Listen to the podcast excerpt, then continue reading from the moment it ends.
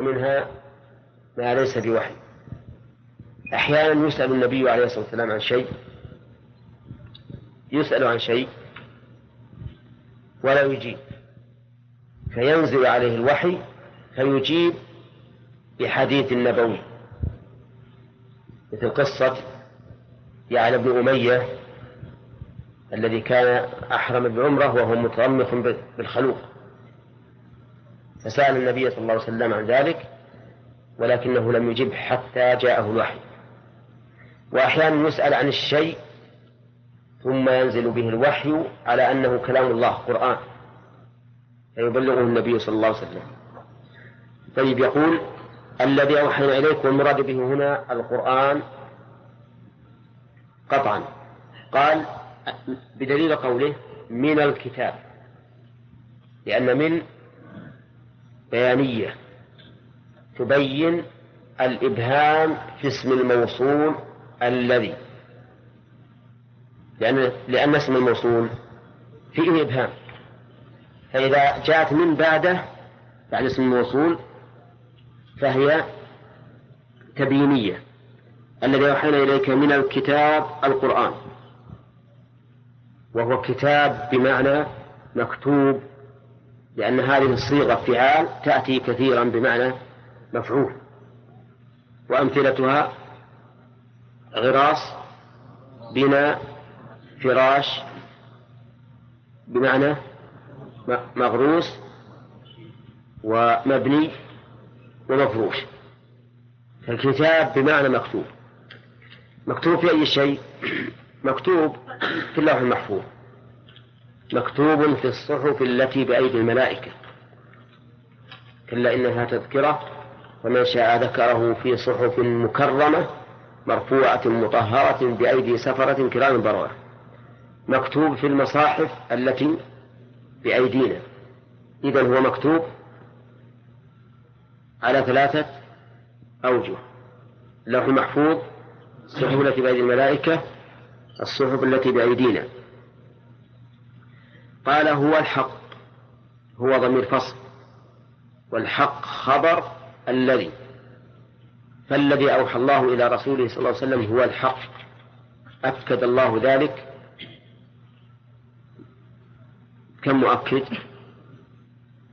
بمؤكدين ضمير الفصل وتعريف ركني الجملة الذي أوحينا إليك من الكتاب هو الحق. وقول الحق يعني الشيء الثابت صدقا في الأخبار وعدلا في الأحكام.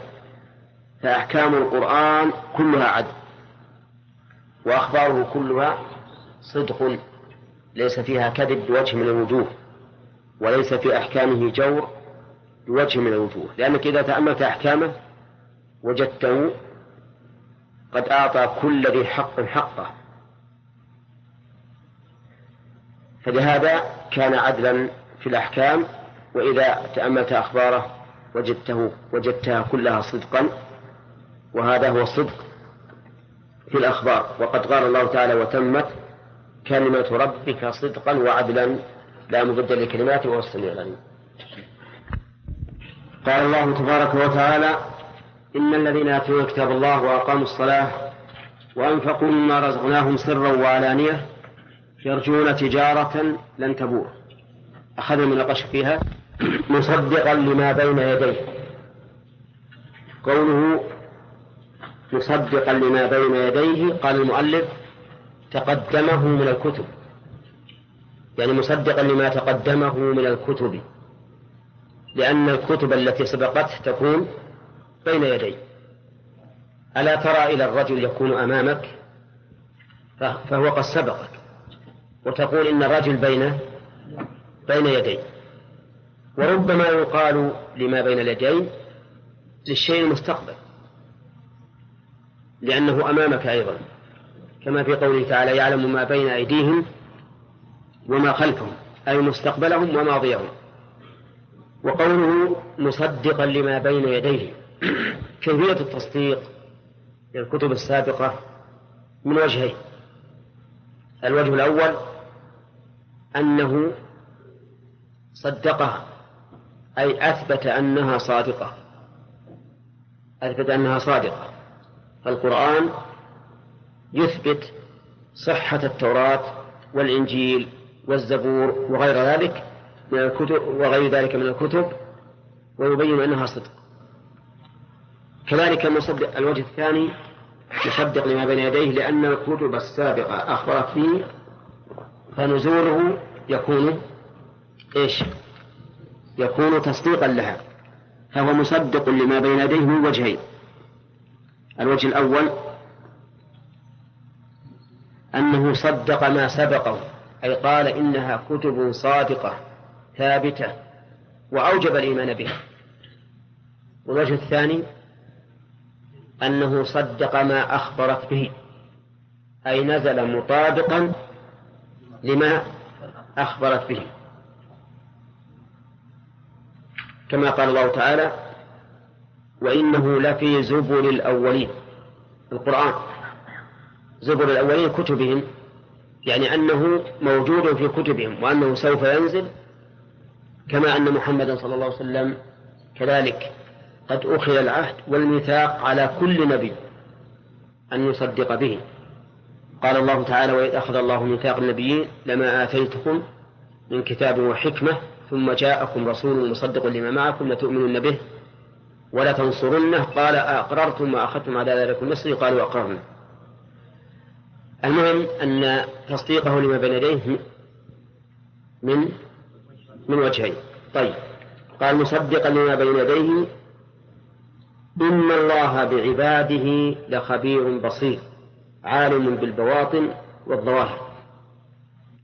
هذه الجملة تعلقها بما قبلها أنها تفيد تحذيرا وإنذارا وترغيبا.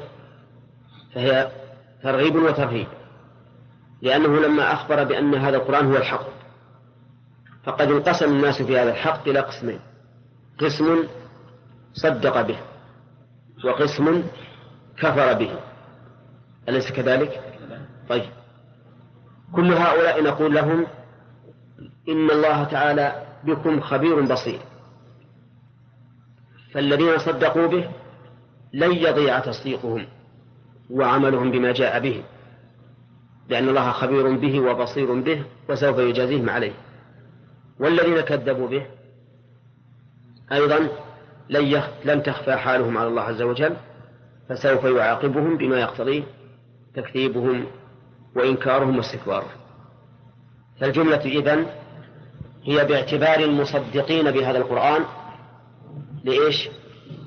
ها؟ للبشارة للبشارة وباعتبار المكذبين للإنذار والتحذير وقوله خبير بصير خبير اسم فاعل على صيغة المبالغة وإن شئت فقل إنه صفة مشبهة وهو أحسن بالنسبة لما يتعلق بالعلم. الأحسن في هذا أن نقول إنه من باب من باب الصفة المشبهة. لماذا؟ لأن الصفة المشبهة تدل على الثبوت تدل على الثبوت. لكن صيغة المبالغة قد تدل على الحدوث. وحدوث الخبرة في جانب الله في, في جانب الله عز وجل مستحيل ولا لا؟ نعم. ها؟ حدوث الخبرة مستحيل لأنه لم يزل ولا يزال خبيرا إذا نعود فنقول إنه يتعين أن نجعل خبير صفة مشبهة لأننا لو جعلناها صيغة مبالغة من خابر لكانت مهمة لإيش؟ لتجدد الخبرة والعلم وهذا شيء مستحيل في جانب الله عز وجل. طيب وقوله بصير كلمة بصير قد يراد بها العلم وقد يراد بها الإدراك بالرؤية. وكلا الأمرين لا يناقض بعضهما بعضا. وقد مر علينا في قواعد التفسير أن الآية إذا احتملت معنيين لا يتناقضان فإنها تحمل عليهما. لأن ذلك أوسع في معناها وأبلغ. فالله عز وجل بصير بأعمال عباده بعباده من حيث النظر والرؤية ومن حيث العلم. في جانب المعمولات المفعولات الظاهرة تكون الرؤية والعلم أيضا. وفي جانب المسموعات تكون يكون العلم. إن الله بعباده خبير بصير. ثم قال قال الله تعالى ثم أورثنا الكتاب الذين اصطفينا من عبادنا. أورثنا الكتاب الذين. أولا كلمة أورث هنا نصبت مفعولين. أصلهما المبتدأ والخبر أو لا؟ ليس أصلهما المبتدأ والخبر. وعلى هذا فهي من باب من باب كسى وأعطى أين المفعول الأول وأين المفعول الثاني؟ انتبه. لا تتعجلون. ثم أورثنا الكتاب الذين اصطفينا من عبادنا. الذين هو الأول. والكتاب هو الثاني. لأن الوارث من؟ هل الكتاب وارث الذين؟ ولا الذين ورثوا الكتاب؟ الذين هم الذين ورثوا الكتاب. يعني أورثنا الذين اصطفينا من عبادنا الكتاب. انتبه يا جماعة. أورثنا الذين اصطفينا من عبادنا الكتاب. مش معنى أورثناهم إياه؟ أي جعلناهم يرثونه جعلناهم يرثونه فالذين اصطفاهم الله أورثهم الله الكتاب. أي جعلهم يرثونه. وكلمة الكتاب قال المؤلف القرآن وينبغي أن نجعله أعم لأن لأن لو قلنا إن الكتاب هو القرآن وقلنا إنه موروث عمن سبقنا لكان القرآن قد نزل على من؟ على من سبقنا وليس الأمر كذلك فالمراد بالكتاب هنا الجنس المراد به الجنس لا خصوص القرآن. يعني أن الكتب السابقة كل ما فيها من الخير موجود في القرآن. فنحن ورثنا عمن سبقنا ورثنا عمن سبقنا كل ما أوتوه من خير. فأصول فالأصول التي تجب على كل مسلم في أي مكان وزمان موجودة في القرآن. والشرائع التي تختلف باختلاف الأمم وباختلاف الزمان والمكان هذه تختلف عن من سبق. قد يجب علينا ما لا يجب عليهم وقد يحرم علينا ما لا يحرم عليهم. لكل جعلنا منكم شرعة ومنهاجا. أما الأصول فقد ورثناها عنهم. ورثناها عنهم. فالأصول التي هي أم الدين قد ورثناها عن من سبقنا. قال آه الذين اصطفينا من عبادنا. الذين اصطفينا أي اخترنا. وهو مأخوذ من الصفوة وأصله اصطفينا. لكن لعلة تصريفية قلبت التاء طاء فقيل اصطفينا من عبادنا أي اخترناهم. وقوله من عبادنا هل المراد بذلك العبودية العامة أو الخاصة؟ يعني الذين اصطفيناهم من المؤمنين أو اصطفيناهم من جميع العباد. يظهر أنها من من من العبودية العامة. يعني الذين اختارهم الله تعالى من عباده الذين يخضعون له كونا.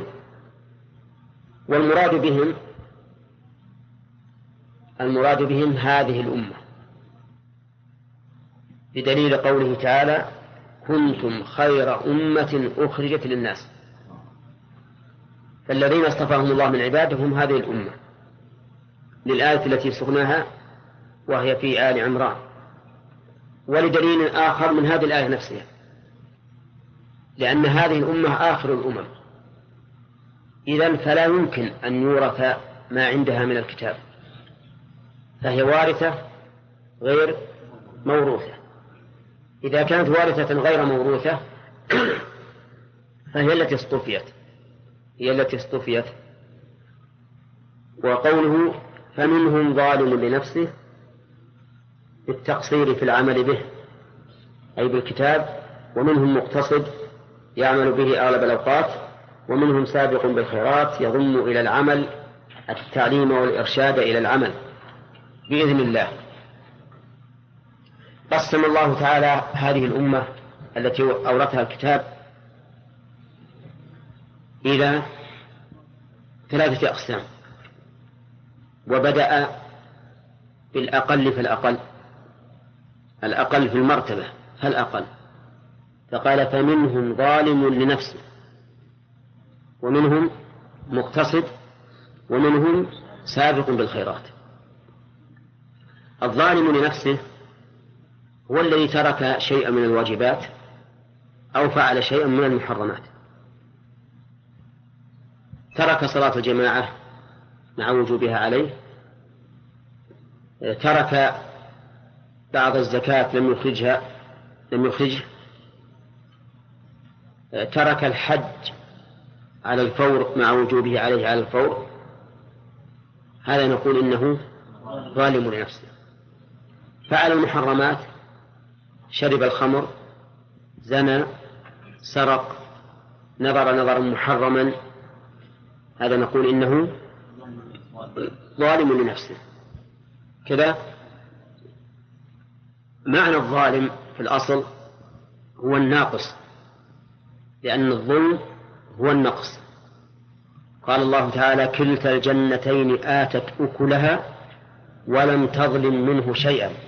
يعني لم تنقص. وكل من أساء فقد نقص فيما يجب عليه. ولهذا كل عمل سيء يعتبر نقصا فيما يجب عليه. لأن الواجب عليك لنفسك أن ترعاها حق رعايتها. فأنت مسؤول أول ما تسأل عن نفسك قال النبي صلى الله عليه وسلم إن لنفسك عليك حقا وإن لأهلك عليك حق. فبدأ بالنفس. فكما يجب عليك أن ترعى مصالح ولدك ومالك وأهلك يجب عليك أن ترعى مصلحة نفسك. بل هو الواجب الأول من حقوق المخلوقين بعد حق الله ورسوله. طيب إذا من فعل محرما فقد ظلم نفسه. ليش؟ لأنه نقصها حقها في الأمانة. أنت مؤتمن عليها يجب أن تراها حق رعايتها. من ترك واجبا فقد ظلم نفسه. لأن الواجب لأن الواجب عليه أن يفعل الواجب ليقوم بحق الأمانة فيما يتعلق في نفسه. هذا الظالم نفسه. ومنهم مقتصد. المقتصد هو الذي لم يقع منه ظلم لنفسه ولا تقدم في الخير. أي قائم بالواجبات تارك للمحرمات لكنه لا يكثر من النوافل ولا يحرص على إكمال الواجبات على الوجه الأكمل ولا يتجنب المكروهات مقتصد. لا لا نقص ولا زاد. يصلي مع الجماعة ويزكي بدون نقص لكن لا يأتي بنوافل لا يأتي بالنوافل ولا بالصدقة التطوع يؤدي فريضة الحج لكن لا يعود يصوم رمضان لكن لا يصوم نفلا وهكذا. يؤدي ما عليه من المعاملات بين الناس على الوجه الأكمل. لا على الوجه الواجب فقط. لا يتسامح عن فقير ولا ينزل من قيمة أو ثمن لكنه ماشي على ما يجب عليه. نقول هذا مقتصد هذا لا له ولا عليه يعني ليس له ثواب إلا ثواب فعل الواجب فقط. الثالث سابق بالخيرات. هذا يأتي بالواجبات ويزيد ما شاء الله تعالى من الخيرات. ويأتي بالواجبات أيضا على وجه الأكمل الأتم. فالصلاة مثلا لا يقتصر فيها على تسبيحة واحدة بل يزيد. لا يقتصر على الفاتحة بل يزيد. لا يقتصر على أن يضع يديه مثلا مطلقة هكذا بل يضعها في موضعها في حال القيام وفي حال الركوع وفي حال السجود وهكذا. نقول هذا سابق بالخيرات. يؤدي الزكاة ويتصدق. يحج الواجب ويتطوع. يصوم رمضان ويتنفل بغيره من الصيام. هذا نقول إنه سابق بالخيرات. أما قول المؤلف رحمه الله ان معنى سابق بالخيرات يضم إلى العمل التعليم والإرشاد إلى العمل ففي هذا نظر ظاهر. لماذا؟ لأن التعليم قد يكون واجبا. قد يكون واجبا. وإذا قام بالتعليم الواجب صار من السابق بالخيرات أو من المقتصد. من المقتصد. وإن تركه صار من الظالم لنفسه. وكذلك نقول في الإرشاد. كذلك نقول في الإرشاد. الإرشاد الواجب إذا قام به صار مقتصدا. وإن تركه صار ظالم من نفسه ولكن ما قلنا هو الصواب. طيب ما تقولون في في اختلاف المفسرين في هذه الآية؟ فمنهم من يقول فمنهم ظالم لنفسه كالمانع للزكاة. ومنهم مقتصد كالمقتصر عليها ومنهم ظالم ومنهم سابق بالخيرات كالزائد عليها. وآخر يقول فمنهم ظالم لنفسه مؤخر للصلاة عن وقتها. ومنهم مقتصد فاعل لها في وقتها. ومنهم سابق بالخيرات فاعل لها في أول وقتها. أي في الوقت الذي يستحب أن تقام فيه. هل بين القولين خلاف؟ لا. ليس بينهما خلاف. هذا يسمى اختلاف تنوع. يعني أن كل واحد منهما من القائلين ذكر نوعا. فيكون هذا على سبيل التمثيل على سبيل التمثيل. ولا يعد هذا خلافا في الواقع. ولكنه تمثيل. هذا مثل بالزكاة وهذا مثل بالصلاة. طيب و وقوله ومنهم سابق بالخيرات بإذن الله. قال المؤلف في إرادته. الكونية والشرعية الظاهر أن أننا نغلب هنا الكونية. يعني أن هؤلاء الأقسام الثلاثة الظالم والمقتصد والسابق كلهم يفعلون هذا بإذن الله. الله تعالى هو الذي آذن للظالم نفسه أن يظلم نفسه. وللمقتصد أن يقتصر على ما يجب. وللسابق أن يزيد. وتقييد هذا بإذن الله لئلا يفتخر مفتخر بكونه سابقا بالخيرات. فيضيف الشيء إلى نفسه ويمن به على ربه كما قال الله تعالى عن بعض بني آدم يمنون عليك أن أسلموا قل لا تمنوا علي إسلامكم بل الله يمن عليكم.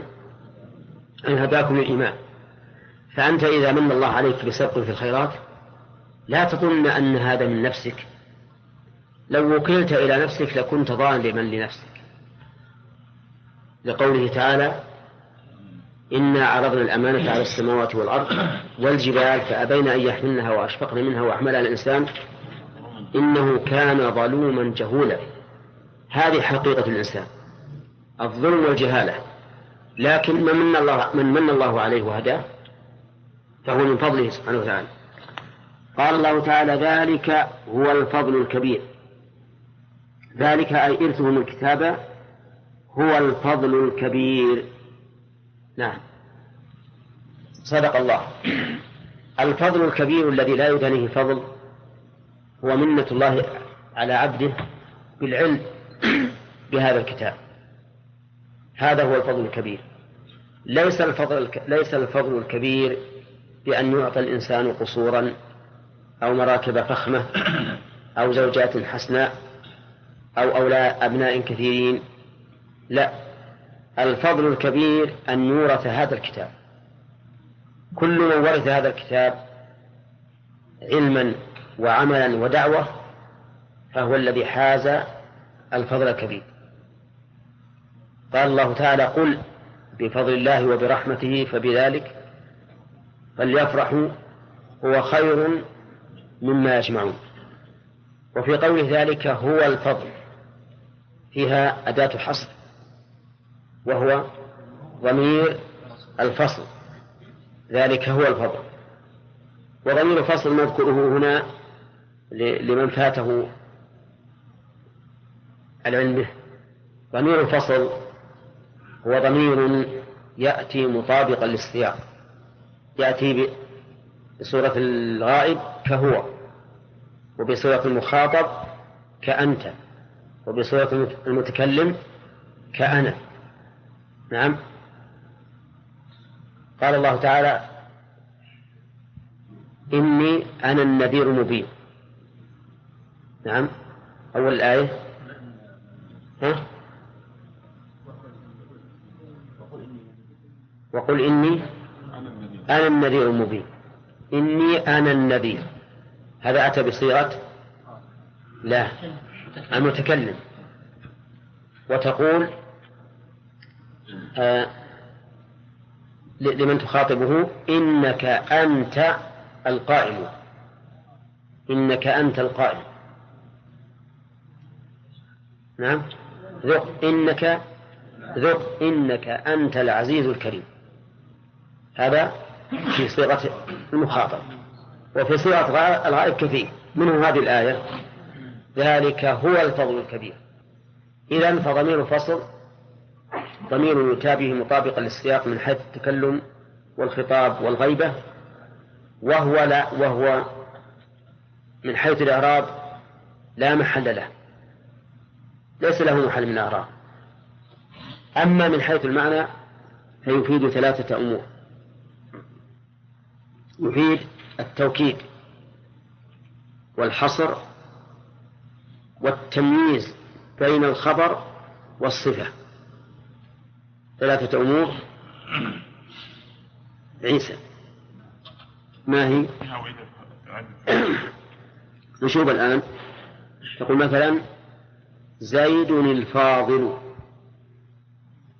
في ضمير فصل ولا لا؟ ما في ضمير فصل هنا يحتمل أن تكون الفاضل خبرا ويحتمل أن تكون صفة والخبر لم يأتي. ممكن أن نقول تقدير الكلام زيد الفاضل قائم. ما يمكن هذا؟ يمكن فتكون الفاضل صفة. فإذا قلت زيد هو الفاضل تعين أن تكون الفاضل هنا خبرا. ما يمكن تقول صفة. إذا فهو يميز بين الصفة والخبر فيكون ما بعده خبرا لا صفة ولولاه لكان محتملا أن يكون خبرا أو صفة. هذا شرح قولنا التمييز بين الخبر والصفة. يفيد يفيد الحصر.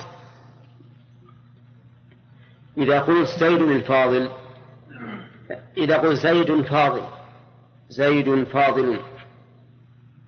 هل يمنع أن يكون غيره فاضلا؟ لا يمنع.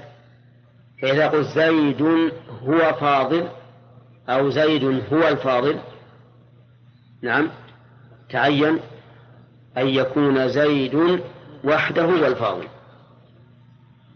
التوكيد لا شك أن قولك زيد الفاضل تريد المبتدأ والخبر. لا شك أنها جملة تامة ومعناها واضح لكن إذا قلت زيد هو الفاضل كأنك اتكأت عليها وزدتها إيش؟ توكيدا. قال ذلك هو الفضل الكبير. الفضل بمعنى العطاء. العطاء ممن من الله. الكبير من حيث الحجم.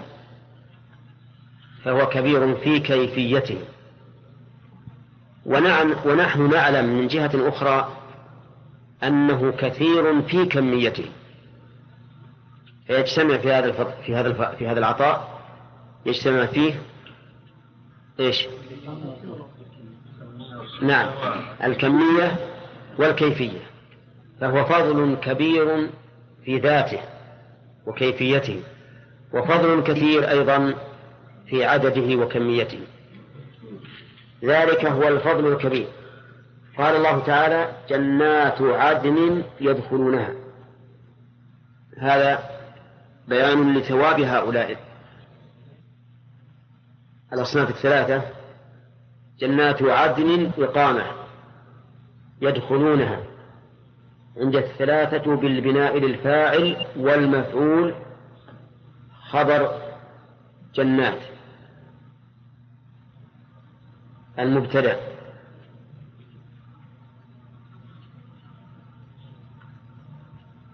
طيب بالبناء للفاعل.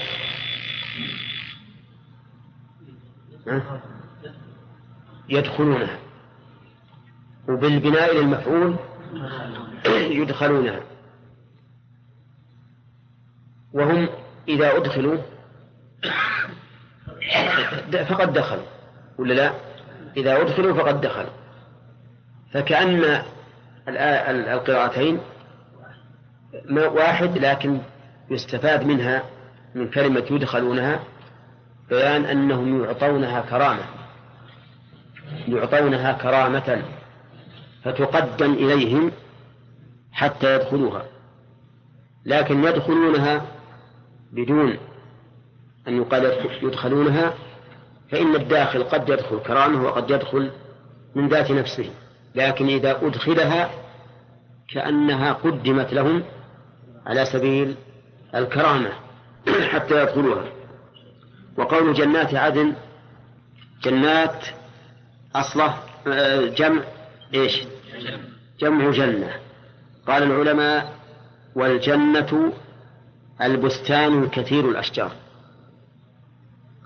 وسمي بذلك لأنه يستر من كان داخله. والله أعلم. نعم. وعدن يدخلونها. عدن بمعنى إقامة. يعني أن هذه هذه الجنات جنات إقامة لا طعن فيها بل هم خارجون فيها أبدا. ومع ذلك ليس واحد منهم يتمنى أن يتحول عما هو فيه كما قال الله تعالى لا يبغون عنها حولا بخلاف بخلاف الجنة فإن الإنسان لو كان في أحسن ما يكون من البساتين يتمنى أن يتحول إلى ما هو أحسن منه وأفضل منه. لكن في الآخرة كل إنسان منهم كل واحد منهم يرى أنه في مكان إقامة لا يريد أن يتحول عنه. وهذا لا شك أنه من كمال من كمال النعيم أن يستقر الإنسان وأن يرى أنه في أكمل ما يكون حتى لا تتشوف نفسه إلى نعيم أعلى فيتنغص نعيمه لأنه من المعلوم أن الإنسان إذا رأى أنه دون غيره وإن كان في مقام أمين وإن كان في مقام منعم فيه لكن يتنغص عليه. ذلك بكونه يرى أن غيره أفضل منه. طيب. قال يدخلونها بالبناء للمفعول للفاعل وللمفعول. خبر جنات. جنات مبتدأ وجملة يدخلونها أو يدخلونها خبر. يحلون خبر ثاني. ولا تصح أن تكون حالا من الفاعل. وذلك لأن لأن تحليتهم بذلك بعد الدخول. ولو قلنا يدخلونها حال كونهم يحلون للزم من ذلك أن يكون التحلية حين الدخول أو قبله. طيب يحلون خبر ثاني. وهل يجوز أن يتعدد الخبر؟ الجواب نعم. وهذا في القرآن كثير. قال الله تعالى وهو الغفور الودود ذو العرش المجيد. الخبر الآن كم؟ أربعة.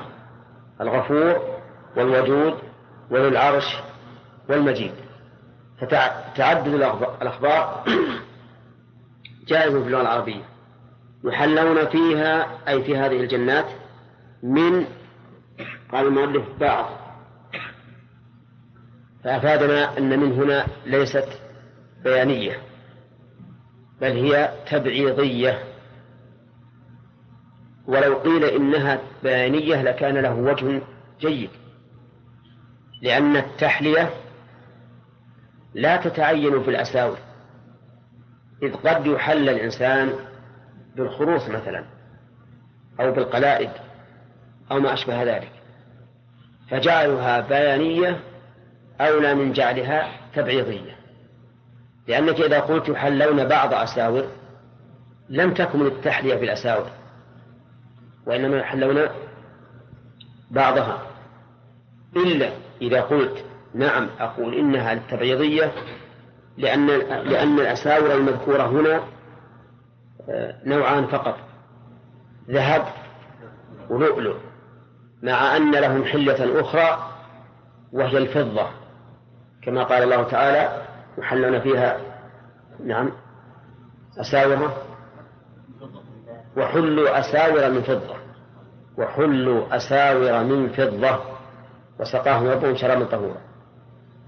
فإذا جعلتها تبعيضية باعتبار أن الأساور المذكورة من نوعين وبقي نوع ثالث لم يذكر صار كون صار صار القول بأنها للتبعيض له وجه. وقد ذكرنا مرارا كثيرا أنه إذا احتمل اللفظ معنيين لا تنافيان فإنه يحمل عليهما. فيمكن أن نجعل من هنا مشتركة بين كونها بيانية وبين كونها تبعيضية. بين كونها بيانية لأن التحلية تكون من الأساور وغيرها فيكون منه فتكون من هنا مبينة ما يتحلون به. وتبعيضية لأنه ذكر من الأساور هنا نوعان وبقي نوع ثالث يذكر. يحلون فيها من أساور من ذهب ولؤلؤا. وش عندكم؟ مرصع بالذهب. مرصع سيدي عندكم بال نعم. معكم حشد الجمال؟ ها؟ شوف قوله من ذهب ولؤلؤ أما من ذهب فهي مجرورة لا شك فيها. لأنها دخلت عليها من. وأما لؤلؤ فهي عندي منصوبة. عندي منصوبة. هي عندكم كذلك؟ ولكن قوله مرصع يدل على أنها مجرورة. كما هي القراءة الثانية. ولهذا ينبغي أن نصحح لؤلؤا ونجعلها بالجر بناء على تفسير آه، الجلال. أفهمتم الآن؟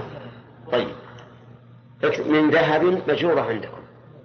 ولؤلؤ حطوها لؤلؤ ها؟ لا القرآن القرآن. ولؤلؤ إي نعم في المصحف. إيه في المصحف المفسر. ما هو المصحف اللي في الأصل؟ في المصحف المفسر. طيب.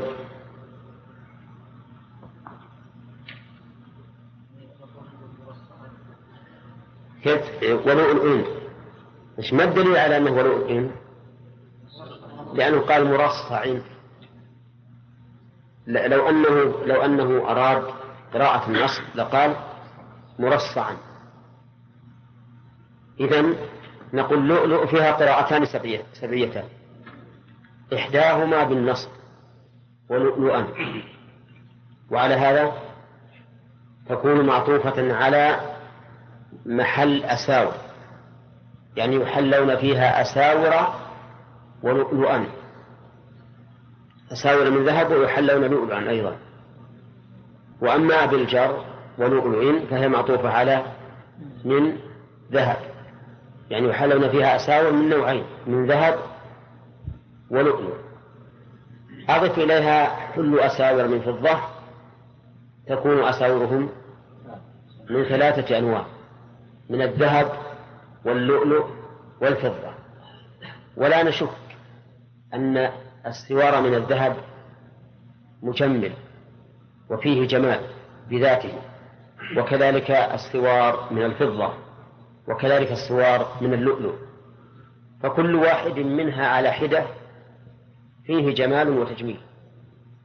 فإذا اجتمعت الثلاثة وصف بعضها إلى بعض تولد من ذلك تجميل أكبر. ولا أحد يتصور كيف تجمع هذه الثلاثة.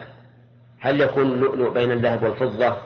أو الذهب بين اللؤلؤ أو الذهب بين اللؤلؤ والفضة أو اللؤلؤ بينهما. المهم أن ترتيبها هذا لا أحد يتصوره الآن. لكن الذي نؤمن به أن هذه الثلاثة تجمع. أما كيف تجمع؟ الله أعلم به. لكننا أيضا نعلم بأن جمعها أي الثلاثة له زيادة في التجميل. طيب. واعلم أن الذهب الذي يذكر في نعيم الجنة والفضة واللؤلؤ ليست كالذهب التي الذي نشاهده الآن أو الفضة أو اللؤلؤ بل هو ذهب أعظم ذهب يليق بنعيم الجنة. كما أن النخل والرمان والفاكهة والعسل واللبن والخمر وما أشبه ذلك لا ليس كالذي يوجد في الدنيا. لماذا؟ لأن النعيم يناسب الدار. النعيم يناسب الدار. فإذا كانت دار الدنيا لا تشابه دار الآخرة فالنعيم الذي في الآخرة لا يساوي لا يساويه النعيم الذي في الدنيا. هذا من حيث المعقول. أما من حيث المنقول فقد قال الله تعالى فلا تعلم نفس ما أخفي لهم من قرة أعين. وفي الحديث القدسي أعددت لعباد الصالحين ما لا عين رأت ولا أذن سمعت ولا خطر على قلب بشر. واضح؟ وأنتم تشاهدون الآن أنه لو دعاكم رجل فقير وصنع لكم أعلى ما يمكنه من الطعام الذي هو أحسن شيء عنده ودعاكم رجل غني وصنع لكم أعلى ما يجد من الطعام عنده. لعرفتم الفرق الفرق العظيم بين هذا وهذا مع أن كل واحد منهم أتى بكل ما يستطيع. كذلك الفرق بين نعيم الآخرة ونعيم الدنيا. فالذهب إذن يوافق الذهب في الدنيا في الاسم ولا يوافقه في الحقيقة. قال ابن عباس رضي الله عنهما ليس في الآخرة مما في الدنيا إلا الأسماء فقط. أما الحقائق فتختلف. طيب يقول من ذهب ولؤلؤ مرصع بالذهب وقوله مرصع بالذهب قد قد يعارض المؤلف في ذلك. قد يقال إن اللؤلؤ مستقل حلية مستقلة. نعم؟ ويدل لذلك قراءة النصب ولؤلؤا يعني يحلون لؤلؤا. أما على قراءة الجر فما ذهب إليه المؤلف محتمل غير متعين أنتم معنا الآن؟ طيب. هو يرى رحمه الله أن اللؤلؤ ليس مستقلا بل هو مرصع بالذهب كما يوجد في حلي الدنيا ولكننا لا نسلم ما قال. بل ظاهر الآية الكريمة أن اللؤلؤ سوار مستقل. ويؤيد هذا يعني ويبين هذا قراءة النص يحلون فيها من أساور من ذهب ولؤلؤا يعني يحلون لؤلؤا. فجعل حلة اللؤلؤ حلة اللؤلؤ حلة مستقلة. طيب ولباسهم فيها حرير. لما ذكر ما يلبس في اليد ذكر اللباس العام على جميع البدن فقال حرير لباسهم في الجنة حرير. وحرير حرير الجنة ليس كحرير الدنيا الذي تفرزه أو تصنعه دودة القز وقابل لكل آفة. بل حرير الآخرة حرير لا يماثله شيء من حرير لا يماثل شيئا من حرير الدنيا. أبدا. وقالوا الحمد لله الذي أذهب عنا الحزن. قالوا يعني أهل الجنة. ومتى يقولون ذلك؟ يقولون ذلك بعد دخول الجنة. الذي أذهب عنا الحزن الحزن الكائن في النفوس وهو الهم أو, الغم بما مضى. والخوف الهم لما يستقبل. فهنا هل نقول إن الحزن يشمل الغم مما مضى والهم مما يستقبل؟ نعم نقول نعم كذلك. في الجنة جميع ما ما مضى عليهم من الأحزان والهموم وغيرها ينسونه كما جاء في الحديث الحديث الصحيح أن الإنسان يغمس في الجنة يصبع صبعة واحدة يغمس فيها. فيقال له هل رأيت شرا قط؟ فيقول لا. كل ما مضى من الشرور والأحزان والهموم كلها أول كمال المحمود. والسبب الثاني إنعام المحمود. بخلاف الشكر فإنه ليس له إلا سبب واحد وهو إنعام المشكور. نعم. ولعلنا نتطرق إلى الفرق بين الحمد والشكر. الحمد قلنا له سببان. فهو أعم من الشكر من حيث السبب. ولعلنا نتطرق إلى الفرق بين الحمد والشكر. الحمد قلنا له سببان. فهو أعم من الشكر من حيث السبب. إذ أن سببه كمال المحمود وإنعام المحمود. الشكر ليس له إلا سبب واحد وهو إنعام المشكور طيب فأيهما أعم؟ الحمد أعم يعني يكون على هذا وهذا. الشكر يكون بالقلب واللسان والجوارح. بالقلب أن يعترف الإنسان بقلبه بنعمة المنعم. باللسان أن يشكره بلسانه. ويثني عليه بلسانه بالجوارح أن يقوم بطاعته فلا يخالفه. وعليه قول الشاعر أفادتكم النعماء مني ثلاثة يدي ولساني والضمير المحجبة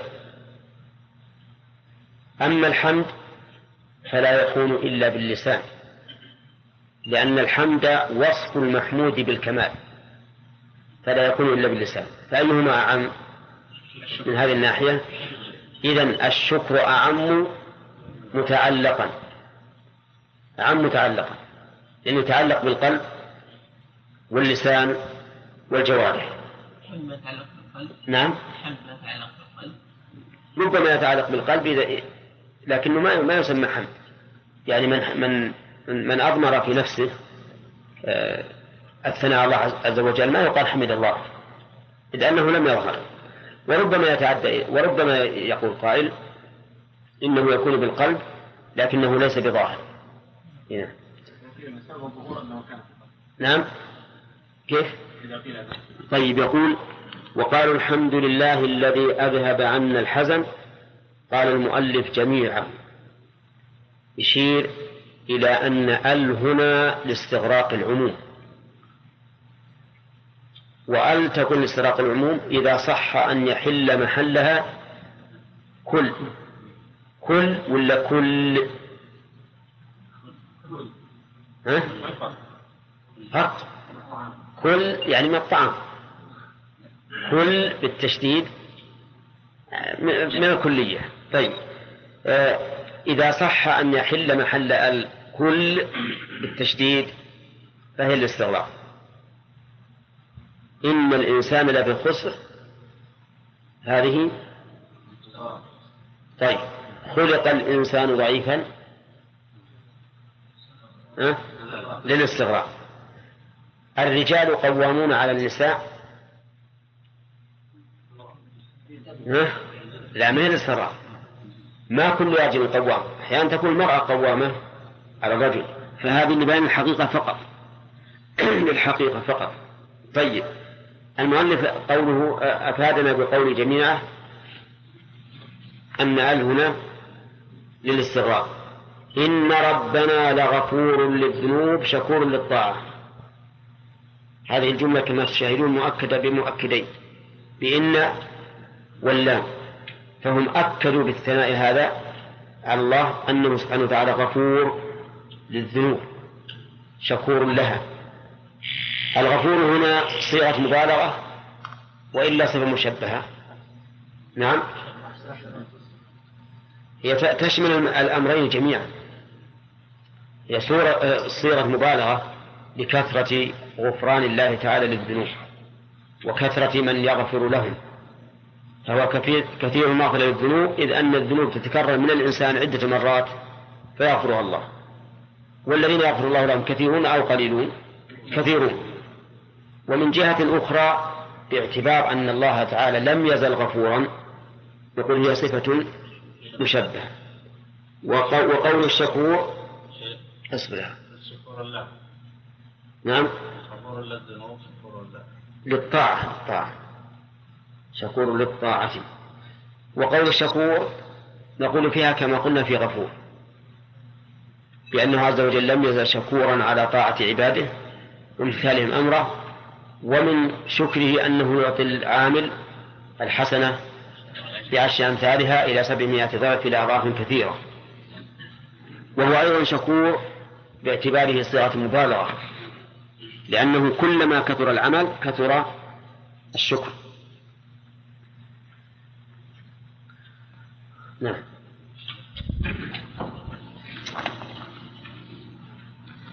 في ذكر ثواب أهل الجنة.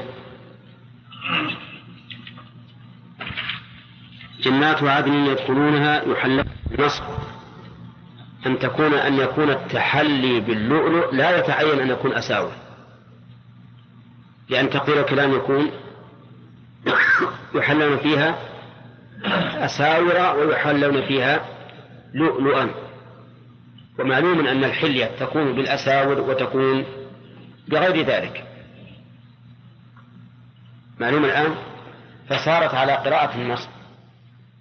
يتعين أن تكون منفردة عن الذهب ثم يحتمل أن تكون أساور ويحتمل أن تكون ها؟ غير أساور. هذا قراءة النص. وعلى قراءة الجر يحتمل أن تكون مركبة مع الذهب من أساور من ذهب ولؤلؤ. فتكون اللؤلؤ مرصعا كما اختاره المؤلف ويحتمل أن تكون أساور مستقلة ما متعينة. طيب قوله ولباسهم فيها حرير وأشباهها من الآيات الدالة على نعيم الجنة يا بدر هل الدرس الذي أحلنا دار المقامة من فضله؟ قولها الذي هنا يجوز أن تكون صفة لما سبق وهو الله. الحمد لله الذي أذهب عن الحزن الذي أحلنا ويحتمل أن تكون استئنافا يعني أنها في محل رفع على القطع لأن المنعوت إذا علم وتعدد النعت له جاز في النعت الثاني القطع والإتباع. كما قال ابن مالك وإن نعوت كثرت وقتلت مفتقرا لذكرهن أتبعت.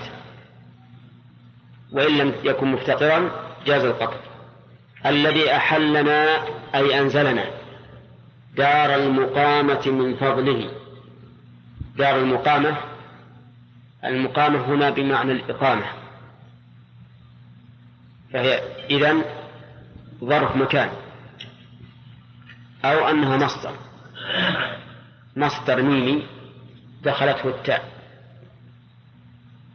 ودار المقامة هي دار الجنة ووصفت بذلك لأن ساكنيها مقيمون فيها أبدا ولأنهم لا لا يريدون الإقامة بغيرها.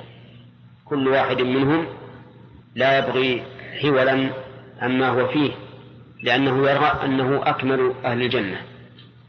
نعم. بل إن الله قنعهم بما هم عليه من النعيم. حتى لا يتطلعوا إلى نعيم أكبر فيحتقروا ما هم فيه.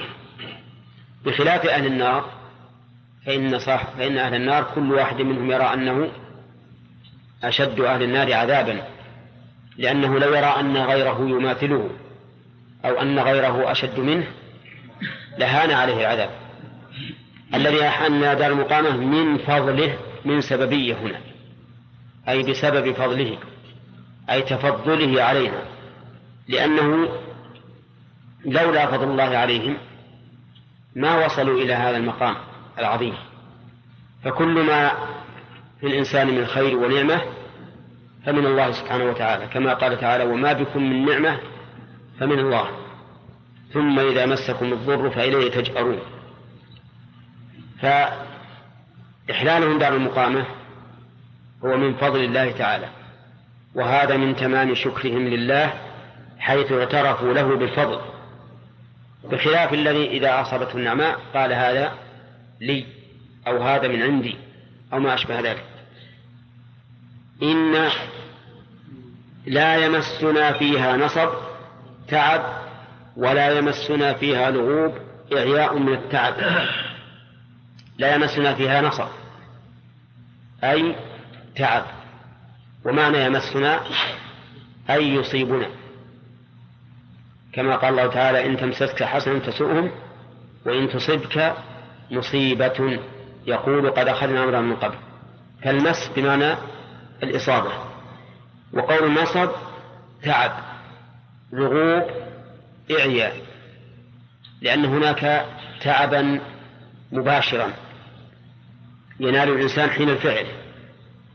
وإعياء يكون أثرا للتعب. أليس كذلك؟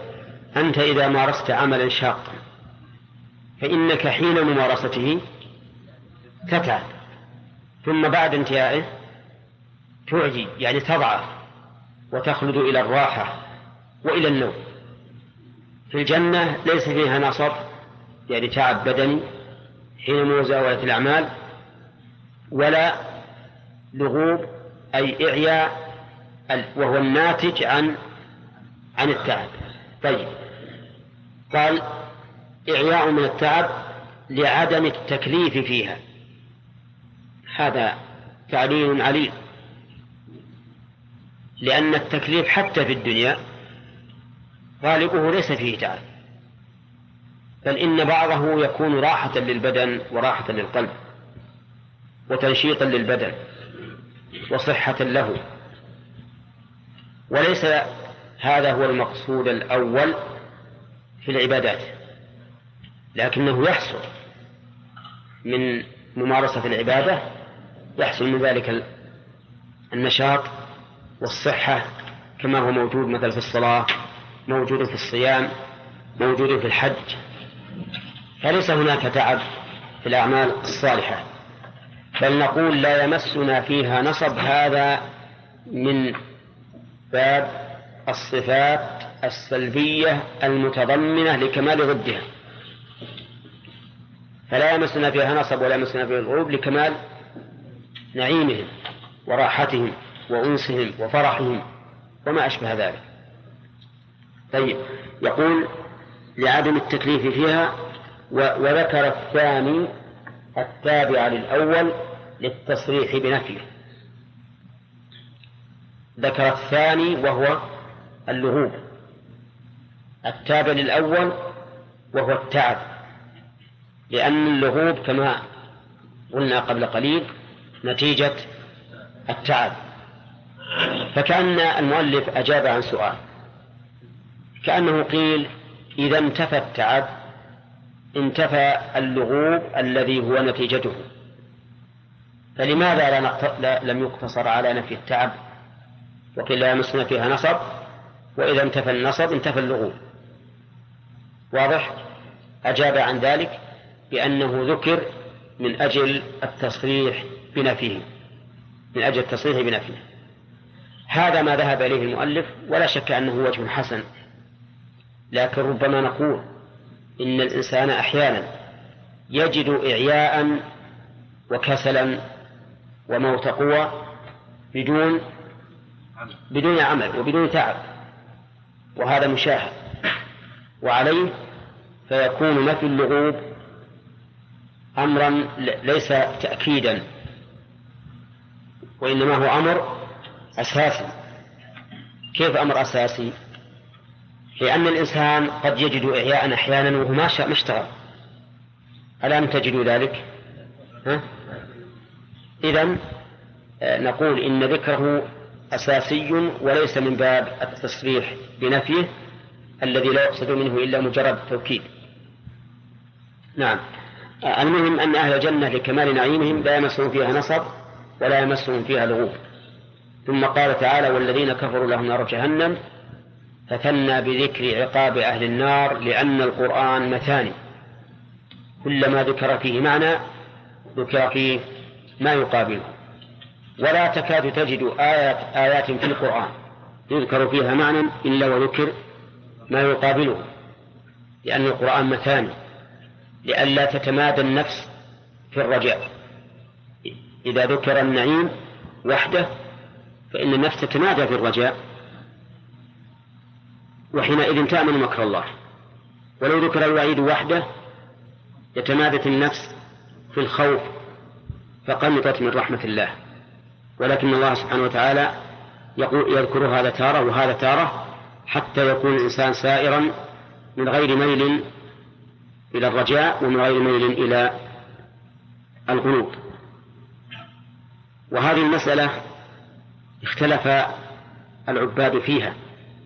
هل الأولى أن يسير الإنسان إلى ربه بين الخوف والرجاء فيكون خائفا راجيا؟ أو الأولى أن يغلب الرجاء إحسانا في الله تعالى إحسانا للظن بالله عز وجل؟ أو الأولى أن يغلب الخوف؟ نعم في هذا خلاف بين العلماء. الإمام أحمد روي عنه أنه قال ينبغي أن يكون خوفه ورجاؤه واحدا. فأيهما غلب هلك صاحبه. لأنه إن غلب الرجاء أمن الإنسان من مكر الله. وإن غلب وإن غلب الخوف قنط من رحمة الله. فيكون خوفه ورجاؤه واحدا. قالوا فالخوف والرجاء كالجناحين للطائر. إن هبط أحدهما مال الطائر إليه واختل توازنه. وإن تساويا استقام الطائر واستقام واعتدل توازنه. وقال بعض أهل العلم بل هذا يختلف باختلاف الأحوال. باختلاف الأحوال. فإذا فعل الإنسان الطاعة فليغلب الرجع. فليغلب الرجع. وأن, وأن الذي وفقه لها سوف يقبلها منه ويثيبه عليها. كما قال الله تعالى وقال ربكم ادعوني أستجب لكم. إذا وفقت للدعاء وفقت للإجابة. إذا وفقت للعمل وفقت للقبول. وإذا عمل المعصية فليغلب جانب الخوف. وليرجع إلى ربه. لأنه إن غلب جانب الرجاء بعد فعل المعصية فإنه لا يتوب منها. ويقول إن الله لا يغفر يشرك به ويغفر ما دون ذلك لمن يشاء. ويقول الله غفور رحيم وما أشبه ذلك.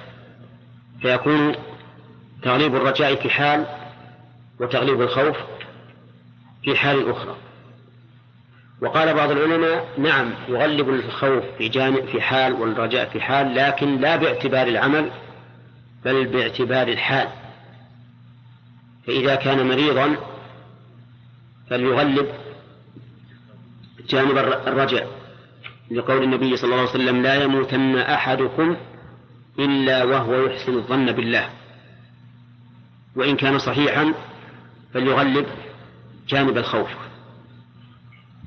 والمناسبة قالوا لأن المريض تضعف نفسه وتنكسر وليس يميل إلى الدنيا ولكنه يهتم بما بما أمامه فليغلب جانب الرجاء. ليس هنا ليس هناك نفس تتطلع إلى الدنيا وتنغمس في الترف بل نفسه قد رقت وآوت إلى الآخرة وأما إذا كان صحيحا فإن النفس الآن فيها شغف وتطلع للدنيا وإترافها فيغلب جانب الخوف. على كل حال ممكن أن نقول إذا وجدت أسباب يخاف الإنسان على نفسه من تغليب جانب الرجاء فليقدم إيش؟ الخوف. وإن وجدت أسباب تقتضي أن يخاف الإنسان وييأس من رحمة الله فليغلب جانب الرجاء. يعني إذا فعل أسباب الرجاء فليغلب الرجاء. وإذا وجدت أسباب الخوف فليغلب جانب جانب الخوف. وقبل أن ندخل فيما أعد الله تعالى لأهل النار فيها نرجع لنأخذ الفوائد. لأننا لم نأخذ الفوائد فيما سبق. أليس كذلك؟ طيب من إن لو أورثنا الكتاب الذين اصطفينا من عبادنا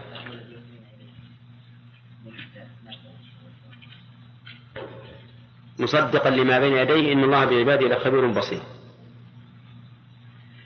من فوائد هذه الآية الكريمة إثبات أن القرآن كلام الله عز وجل. لقوله هو الذي أوحينا إليك. والوحي إعلام الله سبحانه وتعالى أحد أنبيائه بشريعة من شرائعه وهذا هو مذهب أهل السنة والجماعة أن القرآن كلام الله تعالى تكلم به حقيقة بحروفه وبصوت مسموع لكنه لا يشبه أصوات المخلوقين ومن فوائدها فضيلة رسول الله صلى الله عليه وسلم بماذا؟ بما أوحى الله إليه. هذا القرآن العظيم والذي أوحينا إليه. ومن فوائدها اشتمال القرآن الكريم على الحق على الحق في أخباره وفي أحكامه. فأخباره كلها صدق وأحكامه كلها عدل. ومن فوائدها أن ما خالف القرآن فهو باطل. بقوله هو الحق فحصر الحق فيه. والحصر إثبات الحكم في المذكور ونفيه عما سواه. فكل ما خالف القرآن فهو باطل بلا شك. نعم. ومن فوائد الآية الكريمة إنذار المخالفين لهذا القرآن. وبشارة الموافقين له. مستفاد هذه الفائدة من قوله إن الله بعباده لخبير بصير. ومن فوائدها إثبات هذين الاسمين لله عز وجل وما تضمناه من صفة وحكم. خبير نعم وبصير. ومن فوائدها عموم علم الله. وشموله حتى لما يقوم به العباد. لقوله إن الله بعباده خبير بصير. ومن فوائدها علم الله تعالى بما تكنه الصدور. من أي الاسم يؤخذ من قوله خبير. وربما نقول أيضا وبصير لأن بصير بمعنى العليم. والمبصر. طيب. ومن فوائد الآية الكريمة آه، أن جميع الخلق معبودون أو عابدون؟ ها؟ عابدون لله. كل الخلق. كلهم عباد الله. إن الله بعباده خبير بصير. فلا حق لأحد من المخلوقين في شيء من خصائص الرب. بل الكل عبد ذليل لله سبحانه وتعالى. ومن فوائد الآية الكريمة أن القرآن كتاب أي مكتوب وهو مكتوب في اللوح المحفوظ ومكتوب في الصحف التي بأيدي الملائكة ومكتوب في الصحف التي بأيدينا. طيب. ثم قال تعالى ثم أورثنا الكتاب. ومن فوائد الآية باقي عليه. من فوائد الآية الكريمة أن هذا القرآن مصدق لما سبقه من الكتب. لقوله مصدقا لما بين يديه. ويتفرع على هذه الفائدة أن الذي يؤمن بهذا القرآن مؤمن بالكتب السابقة. لأن هذا القرآن مصدق لها. فيكون الإيمان به إيمانا بما سبق من الكتب. ومن فوائد الآية الكريمة الاستشهاد بالأمر الواقع حتى وإن كان من عند الله. بمعنى أن الله تعالى يستشهد بالأمر الواقع ليزداد إيمان المؤمنين. وجه ذلك مصدقا لما بين يديه على أحد المعنيين وهما أنه وقع مطابقا لما أخبرك به. فإن إذا أخبرك به ثم جاء فهذا دين على صدقك. كما قال الله تعالى أولم يكن لهم آية أن يعلمه علماء بني إسرائيل. استشهد الله تعالى بعلم بني بعلم علماء بني إسرائيل زيادة في التثبيت وإقامة للحجة على المنكرين من أهل الكتاب. نعم. ومن فوائد الآية الكريمة آه، رحمة الله تعالى بعباده حيث لم يدعهم هملا بل أنزل إليهم الكتب التي يستنيرون بها في سيرهم إلى الله عز وجل لقوله لما بين لما بين يديه. طيب. ومن فوائد الآية الكريمة سعة التعبير في اللغة العربية وأن المقصود المعنى دون مجرد اللفظ لقوله لما بين يديه لأنه قد يقول قائل وهل للقرآن يد؟ فالجواب أن هذا من باب التوسع في التعبير في اللغة العربية. عرفتم؟ و... وأن المقصود هو المعنى والألفاظ قوالب قوالب تدل على المعنى. قوالب الشيء يعني معناه أوانيه التي يجعل فيها. فأنت مثلا إذا قدم إليك إذا قدم إليك آه، كرتون مزخرف مزين بالذهب تستدل بهذا على ما في باطنه. على ما في باطنه وأنه شيء غالي قيم فالألفاظ في الواقع قوالب يستدل بها على ما تضمنته من المعاني. وليس لها أي للألفاظ معنى ذاتي حتى لا تتغير بأي تركيب كانت بل هي تتغير بحسب التركيبات والسياق. ثم قال الله عز وجل ثم أورثنا الكتاب الذين اصطفينا من عبادنا. يستفاد من هذا الحديث؟ أستغفر الله. يستفاد من هذه الآية فضل الله عز وجل على هذه الأمة حيث أورثها هذا الكتاب العظيم الذي وصف الله بأنه الحق وأنه مصدق لما بين يديه. أورثه الله تعالى هذه الأمة. ففي ذلك بيان فضل الله علينا بهذا بهذا الإرث. ومن فوائدها أن هذه الأمة أفضل الأمم لقوله الذين اصطفينا من عبادنا. الذين اصطفينا من عبادنا وهم هذه الأمة. واستدلنا لذلك أيضا بآية أخرى وهي كنتم خير أمة أخرج الناس ومن فوائد الآية الكريمة الإشارة هي الفترة بين عيسى ومحمد صلى الله عليه وسلم. من أين تؤخذ؟ من ثم. الدالة على التراخي وهو كذلك. ولا نعلم فترة أطول منها بالنسبة لما بين الرسالات والكتب المنزلة. فقد قيل آه، إن أطول ما, ما كان بين آدم ونوح. نعم وهذا أمر قد يشك فيه الإنسان. لكن ما بين موسى ما بين عيسى ومحمد عليه الصلاة والسلام حوالي ستمائة سنة. وإنما طالت الفترة لتشتد حال الناس إلى إلى إرسال الرسل.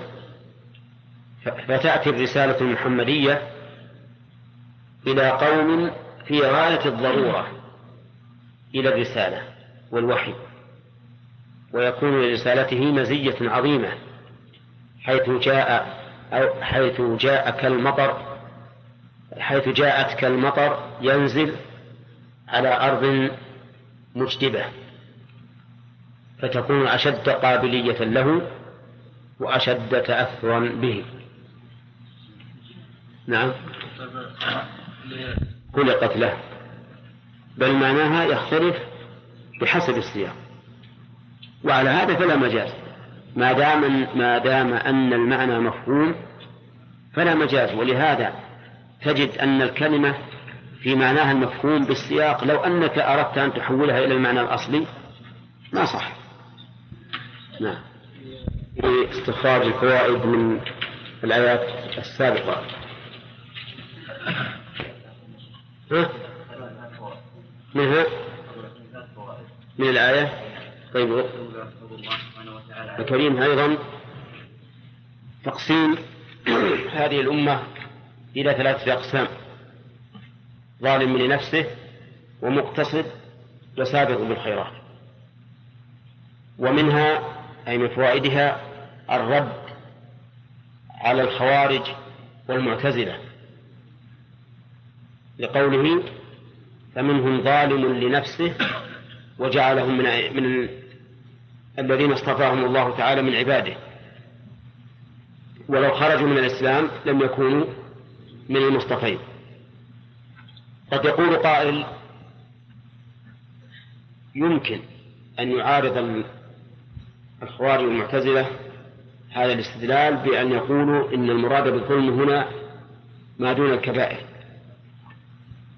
فيقال إن ما دون الكبائر يقع مغفورا بفعل الطاعات كالصلوات الخمس والجمعة إلى الجمعة ورمضان إلى رمضان.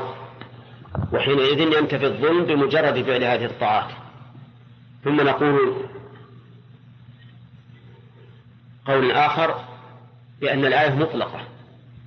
تشمل الظلم الأصغر والظلم الأكبر.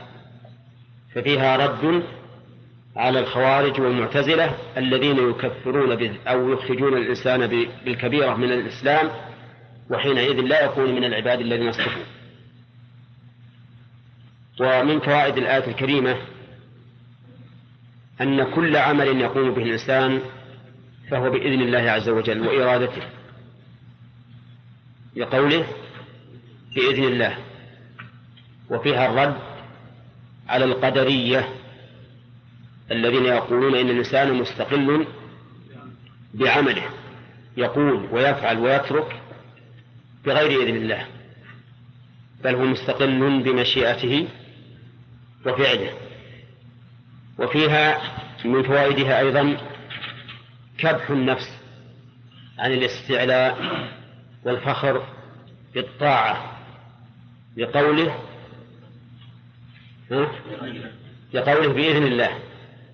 حتى لا يقول الإنسان فعلت ذلك من نفسي وأنا الذي فعلت وفعلت. وهذا خلافا لما يسير عليه بعض الناس. إذا فعل المعصية كان جبريا وإذا فعل الطاعة كان قدريا. إذا فعل الطاعة قال هذا مني وأنا الذي فعلت وأنا الذي فعلت. وإذا فعل المعصية قال هذا من الله وأنا مجبر عليه. فبعض الناس يسلك هذا المسلك وهذا مسلك بعيد من العدل. طيب. ومن فوائد الآية الكريمة إثبات عموم مشيئة الله عز وجل حتى في أفعال العبد. بقوله بإذن الله. ومن فوائدها تفاضل الناس في العمل ويتفرع عليه تفاضلهم في الإيمان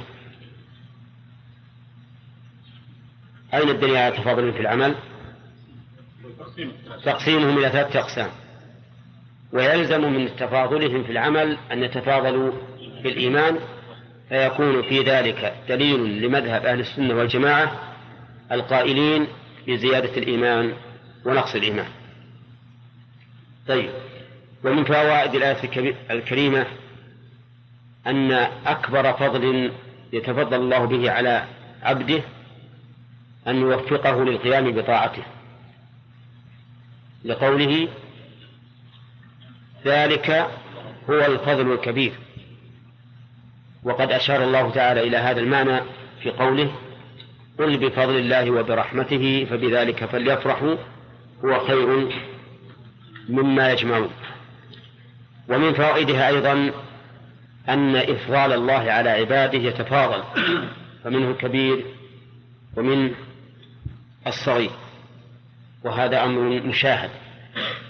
ففضل الله على الرسل أعلى من فضله على الأنبياء وعلى الأنبياء أعلى من فضله على الصديقين وعلى الصديقين أعلى من فضله على الشهداء وعلى الشهداء أعلى من الصالحين. وهذا لا شك فيه. نعم. ثم قال الله تعالى جنات عدن يدخلونها إلى آخره. من فوائد الآية الكريمة أن جزاء أولئك القوم الذين أورثوا الكتاب على اختلاف طبقاتهم الثلاث أن جزاءهم جنات عدن. لقوله جنات عدن يدخلونها أو يدخلونها على قراءتين. ومنها الإشارة إلى كمال نعيم الجنة لكونها جنات بهيجة وكونها محل إقامة لا رعن منها أبدا. لقوله جنات جنات عدن. ومن فوائدها أيضا ما ينعم الله به على عباده في هذه الجنات من أنواع الفواكه والمطاعم لدخوله في في كلمة جنات. وكذلك من الملابس. لقوله يحلون فيها من أساور من ذهب ولؤلؤ.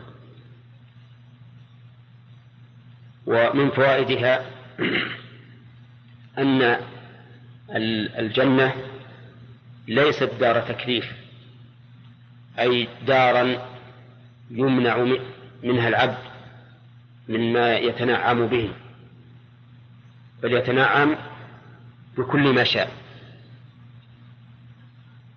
لأننا نعلم جميعا أن تحلل الرجال في الدنيا بالذهب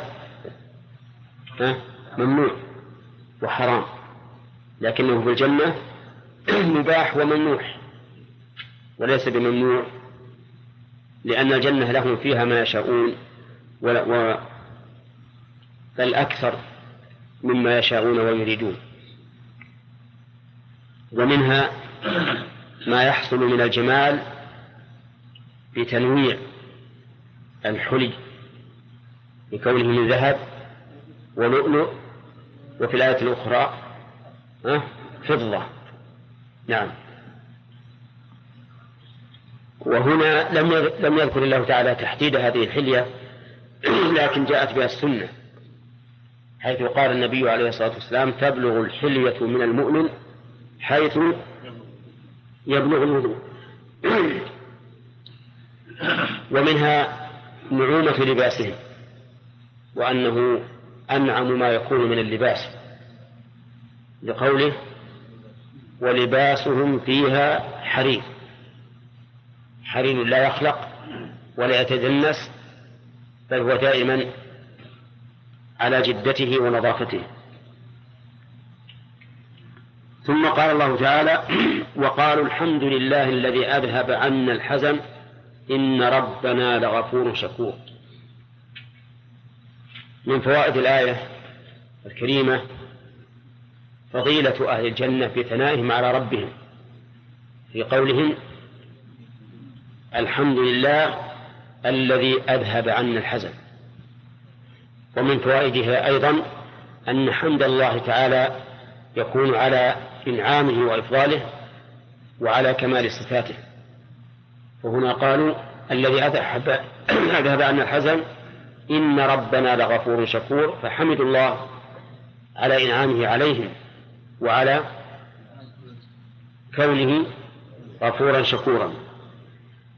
ومن فوائد الآية الكريمة كمال الفرح والسرور لأهل الجنة لقولهم أذهب عنا الحزن فإن هذه الصفة السلبية تدل على كمال ضدها.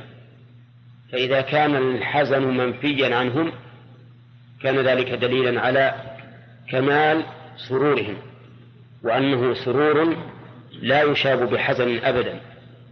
بخلاف سرور الدنيا فإن سرور الدنيا مهما عظم مشوب بالكدر. ولهذا يقول الشاعر الحكيم لا طيب للعيش ما دامت منغصة لذاته بادكار الموت والهرم. نعم. الإنسان مهما كان في الدنيا من النعيم فإنه إذا تذكر أن أمامه شيئين لا بد منهما. لا بد من أحدهما قطعا فإن طالت به الحياة فلا بد من الأمرين جميعا وهو الهرم والموت وحينئذ يتنغص عليه لا تتنغص عليه حياته. ثم هو أيضا يعرف أنه كل يوم يمضي عليه فإنه يبعده من الدنيا ويقربه من الآخرة. وهذا تنغيص آخر. ولهذا قال الشاعر والمرء يفرح بالأيام يقطعها وكل يوم مضى يدني من الأجل. نعم. على كل حال في الآخرة نعيم لا كدر فيه. لقوله أذهب عنا الحزن. ومن فوائدها أن نعيم الآخرة ينسي كل ما سبقه من حزن. لقوله أذهب عنا الحزن. وذهاب الحزن هنا ذهاب لما قد وجد ولما يتوقع وجوده فلا يمكن أن يمسه فيها حزن ومن فوائد الآية الكريمة إثبات اسمين من أسماء الله وهما الغفور الشكور الغفور في جانب المعاصي والشكور في جانب الطاعات. أما في المعاصي فإنه عز وجل قال في الحديث القدسي يا ابن آدم إنك يا ابن آدم لو بلغت عما لو بلغت ذنوبك عنان السماء ثم. ثم لقيتني لا تشرك بي شيئا لأتيتك. نعم. لا. لغفرت لك. لغفرت لك. وأما في الطاعات فإن الله تعالى يقول من جاء بالحسنة فله عشر أمثالها. وقال النبي عليه الصلاة والسلام إنما فاعل الحسنة تكتب له عشر حسنات إلى سبعمائة ضعف إلى أضعاف كثيرة. ثم قال تعالى الذي أحلنا دار المقامة من فضله لا يمسنا فيها نصب ولا يمسنا فيها لغوب فيها فضيلة أهل الجنة بإضافتهم النعيم إلى المنعم به من أين؟ الذي أحلنا دار المقامة من فضله. فنسبوا الأمر إلى الله وإلى فضله الذي أحلنا دار المقامة من فضله. وهذا غاية الثناء والحمد. ومن فوائدها فوائد الآية الكريمة أن دار أن دار الجنة دار إقامة. كل إنسان لا يتمنى أن يزول عن مكانه منها حتى من كانوا في الدرجات غير العالية يرون أنهم في أكمل النعيم. لقوله دار المقامة ومنها تأبيد تأبيد الجنة. لإطلاق قوله المقامة ولم تقيد بزمن ومنها من فوائد الآية أن بلوغهم إلى هذه الدار ليس بحولهم وقوتهم ولكن بفضل الله عز وجل لقوله من فضله. ومن فوائدها إثبات الأسباب. لأن من هنا سببية. أي بفضل الله. ففيها رد على من ينكرون الأسباب ويقولون إن الأسباب لا تأثير لها وإنما يحصل الشيء نعم عندها لا بها. ومن فوائدها أن الإنسان لا يدخل الجنة بعمله لقوله من فضله. ولكن قد يشكل على هذا قوله تعالى جزاء بما كنتم تعملون. ادخلوا الجنة بما كنتم تعملون. وأشباههما من الآيات. وقد جمع العلماء بينهما بأن الباء في قوله ادخلوا الجنة بما كنتم تعملون الباء للسببية. وأن الباء في قول الرسول عليه الصلاة والسلام لا يدخل الجنة أحد بعمله للعوض. يعني أن دخول الإنسان الجنة ليس بعمله إذ لو أنه أريدت المعاوضة لهلك الإنسان. لو أن الإنسان نوقش في عمله بالإضافة إلى نعمة الله عليه لكانت نعمة واحدة تقابل كل العمل. بل لكان العمل نفسه نعمة. يحتاج إلى نعمة. يحتاج إلى شكر. ولا لا؟ لأن توفيق الله عز وجل للعبد